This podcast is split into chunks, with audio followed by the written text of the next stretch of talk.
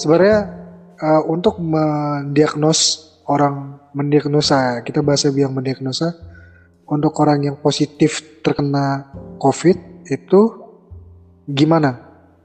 Ya, jadi kan untuk awal ya, untuk di awal ya, saat uh, untuk melakukan screening kan memang semua rata-rata pasien yang datang di rumah sakit atau di puskesmas itu kan memang dia harus melalui jalur rapid test dulu.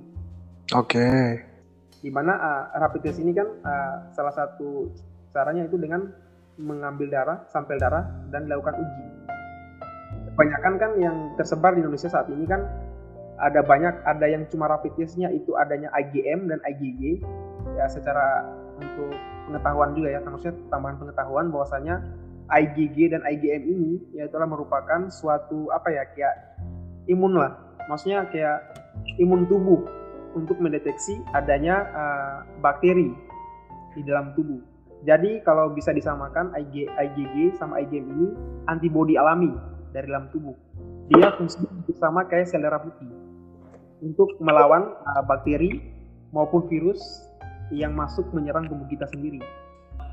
Yang dites itu IgM atau dan IgG-nya. Jadi semisal saat dilakukan tes IgG dan IgGM-nya dan IgM-nya dia reaktif, maka sudah pasti di, sudah pasti orang itu uh, di dalam tubuhnya terdapat jenis penyakit, tapi belum bisa juga disimpulkan bahwa itu corona atau penyakit lainnya seperti itu nomor ulin. Oke, kemudian bos? Ya. Nah, harus dilakukan tes yang kedua yang namanya swab. Di tes swab ini uh, dilakukan dengan cara mengambil cairan dari lubang dari hidung boleh hmm. tenggorokan. Nah di sini uh, untuk memang untuk tes swab itu sendiri dia memang lebih lebih khusus untuk mengetahui uh, apakah memang si penderita ini dia terkena COVID atau enggak.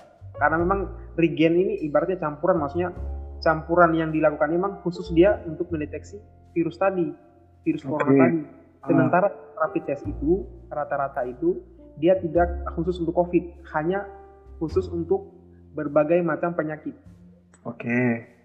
Makanya mengapa orang yang biasa dia yang rapid testnya dia negatif bisa saja swabnya dia po positif nomor ulin seperti ya, itu. Berarti bi bisa saja misalnya nih ketika dia di rapid dia non reaktif ya, non tapi swab test dia reaktif itu begitu ya. Positif. Nah seperti itu.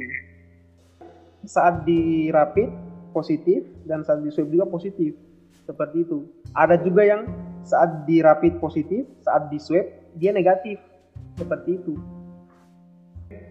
Jadi seperti itu nomor ulin. Okay. Kan seperti yang sampaikan di awal tadi bahwasanya untuk rapid test itu hanya 20% keakuratannya. Ya, nomor ulin. Saya misal nih, mabor ulin uh, masuk ke rumah sakit dengan gejala TB atau amit amit amit semisal ah oke okay. semisal nih nyonya A nih masuk ke rumah sakit hmm. melalui itu setelah dites eh, eh, dengan riwayat TB sebelumnya ya. saat kan apa namanya uh, rapid test pengambilan sampel darah ternyata rapid testnya dia positif. Oke. Okay. pertanyaannya seperti ini apakah si nyonya A ini sudah pasti terkena covid atau belum? Pertanyaan belum. belum tuh karena kenapa? Kok hasil rapidnya dia bisa positif eh, apa nih reaktif IgG dan IgM-nya hmm? seperti yang saya sampaikan di awal tadi bahwa saya emang IgG dan IgM ini dia emang adalah antibodi dalam tubuh kita jadi saat okay. ada uh, bakteri dan virus yang masuk ke dalam tubuh maka IgG dan IgM ini dia ber berfungsi untuk melawannya seperti itu bereaksi untuk melawannya jadi saat TB masuk, otomatis IgG sama IgM-nya akan aktif. Maka hasilnya saat dites akan reaktif IgG dan IgM-nya dan bagaimana cara untuk menentukannya? Ya sudah dilakukan swab. Oke, berarti kalau misal mau ditarik kesimpulan ya, rapid test itu cuma sekedar tes awal aja kan? Ya. Terus terus kemudian swab test itu kayak finaling final test finalnya kan? Nah, berarti berarti yang nentuin seseorang itu terindikasi mbak. Positif? yang, yang nentuin orang itu positif apa enggak berarti swab testnya? Ya betul sekali. Hmm, gitu. Berarti swab test itu yang beneran dipakai untuk ketika hasilnya bener apa enggak ya kan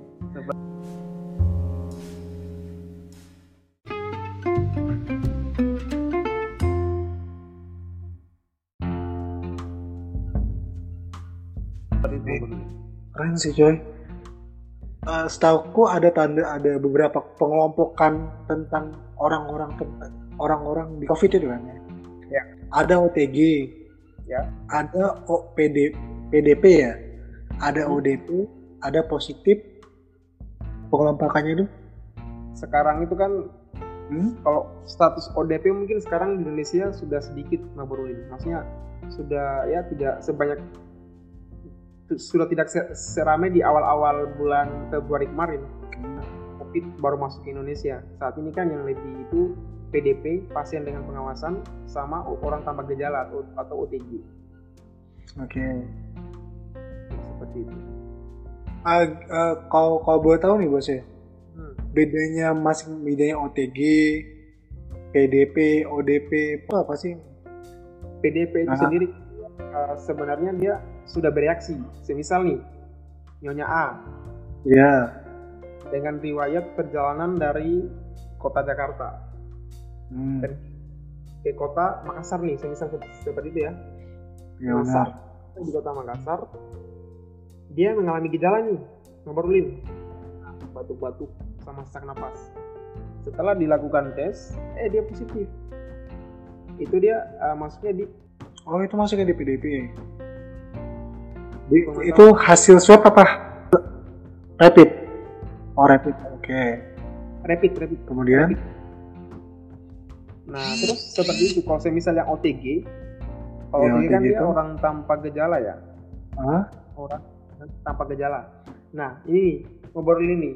Sekarang kan yang lagi ya, itu di Indonesia ah. itu adanya OTG, orang tanpa gejala. Mana orang-orang ini dia sudah dinyatakan positif nomor ini sudah dinyatakan positif dengan hasil swab. Pertanyaannya satu apakah okay. orang-orang ini bisa menularkan? Bisa dong. Jawabannya? Okay. bisa. Bisa dong. Hmm. meskipun dia tak gejala sama sekali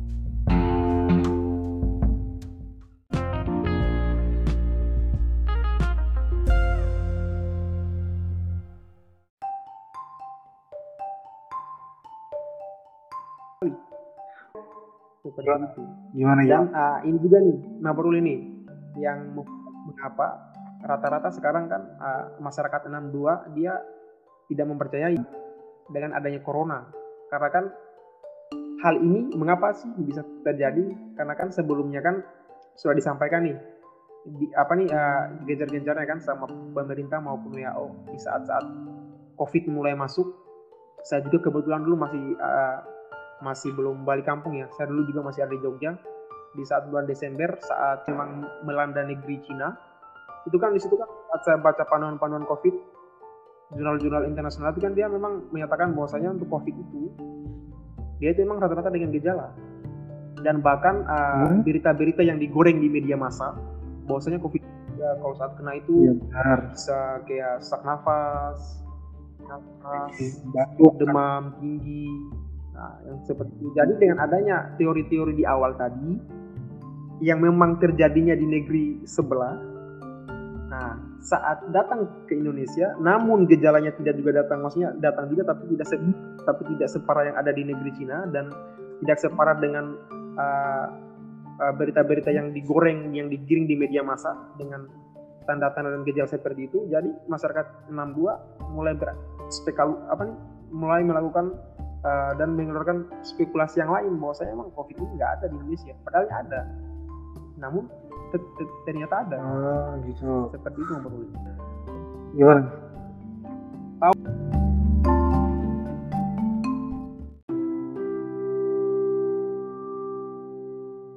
Tahu itu nggak? Wisma Atlet ya? Tahu kan? Yang Wisma Atlet itu kan dia memang khusus di apa khusus menampung orang-orang dengan tanpa oh, gejala gitu. yang telah positif. Oh, iya ya. Jadi kok sedengarku kan ya Wisma Atlet kan untuk pintu pertama OTG kan. Kemudian ketika sudah ya. menjadi lebih naik tingkatannya baru ditempatkan ke rumah sakit rumah sakit yang direkomendasikan COVID gitu kan. Rumah sakit rumah sakit rujukan. Karena kan nggak mungkin Wisma Atlet memang dengan tidak maksudnya tidak standar untuk melakukan perawatan seperti rumah sakit semisal nih yang yang membutuhkan kayak ventilator dan lain sebagainya ya tidak bisa lah di sana kan cuma khusus perawatan untuk orang-orang dengan tanpa hmm. gejala aja atau